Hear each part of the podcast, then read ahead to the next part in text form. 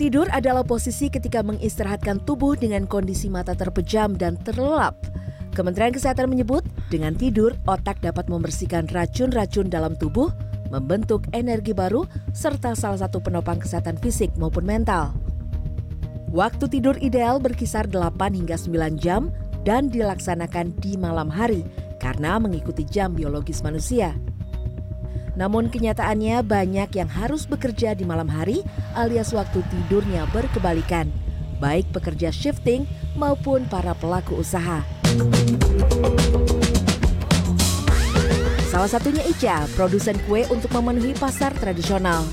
Produk kuenya harus siap pukul 3 pagi setiap harinya.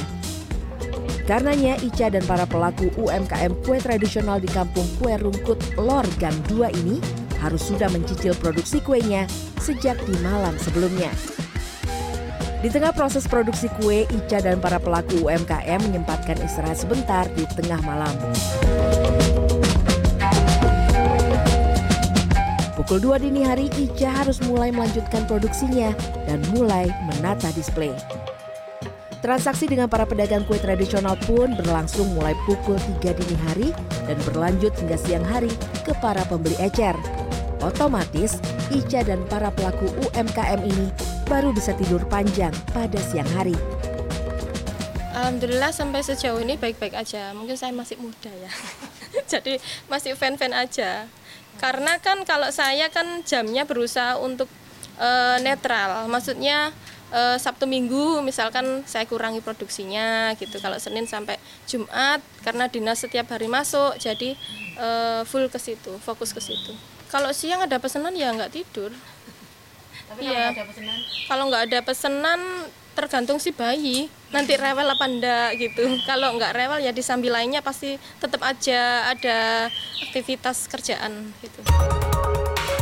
Ica pun tak sendiri. Fenomena bekerja di malam hari juga banyak dirasakan para pekerja dari berbagai sektor. Eh, Sebetulnya kalau tidur malam diganti tidur siang jelas tidak sehat sebetulnya. Tapi kalau ke- untuk kebutuhan ya gimana lagi gitu, gitu aja. Mengenai pekerja yang tak bisa tidur di malam hari, Dr. Andreas Prasaja pun memberikan tipsnya. mengusahakan saat tidur itu semirip mungkin dengan malam hari. Ya, suaranya nggak rame, jangan sunyi ya. Kalau sunyi kita gampang stres malah. Jadi suasananya eh, tenang gitu kan, pencahayaannya minimal ya.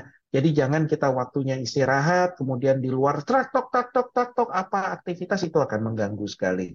Jangan kosong perutnya, Jangan juga terlalu penuh, tidak akan bisa tidur. Ya, kemudian hindari segala bentuk kafein seperti kopi, teh itu sebaiknya jangan, karena akan mengganggu siklus tidur dan kualitas tidur nantinya. Memang disarankan sekitar 7-8 jam, dimaksimalkan. Jangan dibatasi tidurnya eh, 3 jam, 4 jam, karena sering kali kami temukan ini pekerja-pekerja eh, shift di siang hari malah mengambil second job gitu ya, pekerjaan lain tidak disarankan. Istirahat dulu. Ya, tidur siang pun menjadi pilihan memenuhi kuantitas tidur. Selain itu dengan kuantitas tidur malam yang cukup, tidur siang memiliki kelebihan untuk kesehatan. Di antaranya, meningkatkan konsentrasi, kewaspadaan, dan daya ingat. Selebihnya juga memperbaiki suasana hati, meredakan stres, dan menurunkan tekanan darah. Meski begitu, sebagian orang merasa tidur siang bisa membuat kesulitan untuk tidur malam. Dan berikut tips yang bisa diterapkan.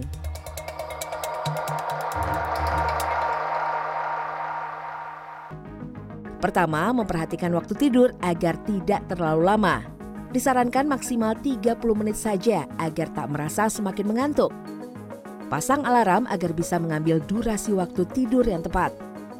Selanjutnya, buatlah perencanaan jadwal waktu tidur siang. Keempat, hindari konsumsi kafein, baik kopi maupun teh. Terakhir, upayakan tidur siang di kisaran jam 1 hingga 3 sore. Tidur siang melebihi jam 3 sore justru akan mengganggu waktu tidur malam. Ya, dalam pola hidup sehat memang tidak hanya sebatas menjaga pola makan dan olahraga saja. Pola tidur yang cukup juga diperlukan untuk menjaga kesehatan fisik dan juga kesehatan mental.